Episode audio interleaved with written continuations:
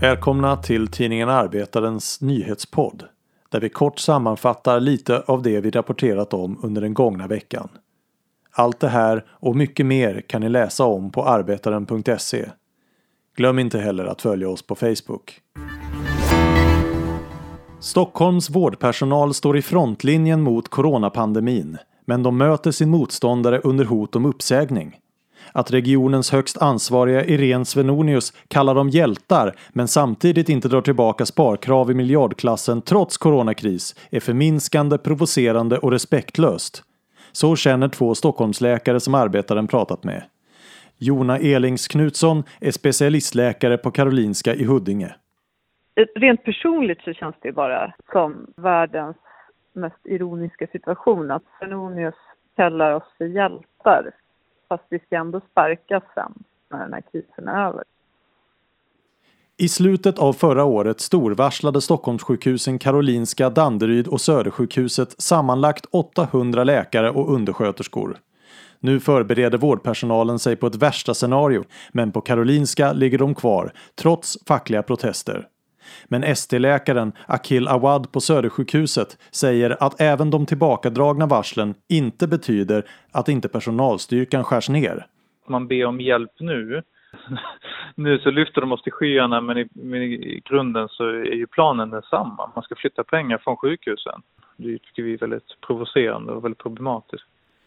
Men finansregionråd Irene Svenonius har inga nya klara besked när hon kommenterar läkarnas upprördhet.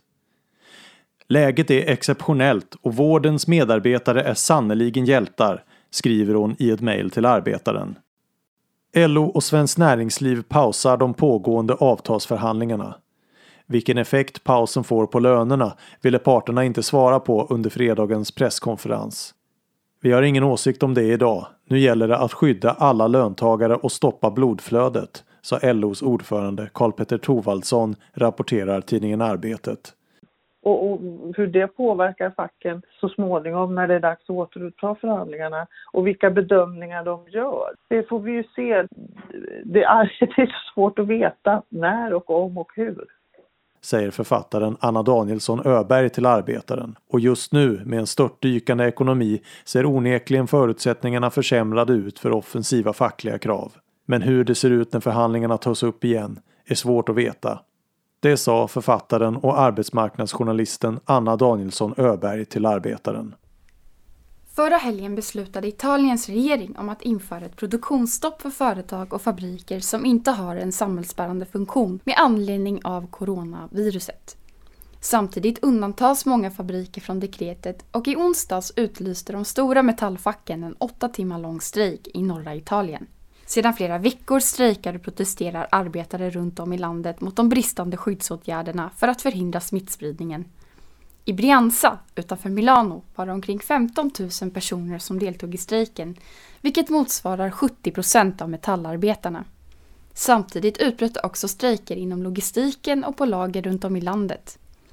Men också i de samhällsbärande verksamheterna protesterar nu arbetare. På söndag planerar kassapersonal på livsmedelsbutiker i Ligurien i norra Italien att strejka för bättre säkerhet och för att affärerna max ska kunna vara öppna i 12 timmar.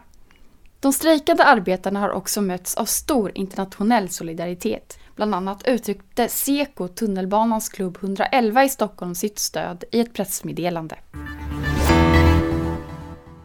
Och nu sista ordet från Annie Hellqvist. Ingen har frågat Joakim Lamotte vad han anser om coronakrisen. Ingen har placerat Hanif Bali i en studio för att debattera smittskydd. Vi ser också att SDs dominans i medieutrymmet de senaste två veckorna har varit som utraderat.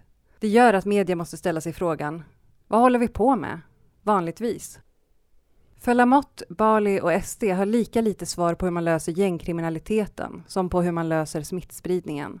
Ändå är det deras och deras gelikars röster som så ofta tillåts ta en så stor del av medieutrymmet i alla möjliga frågor.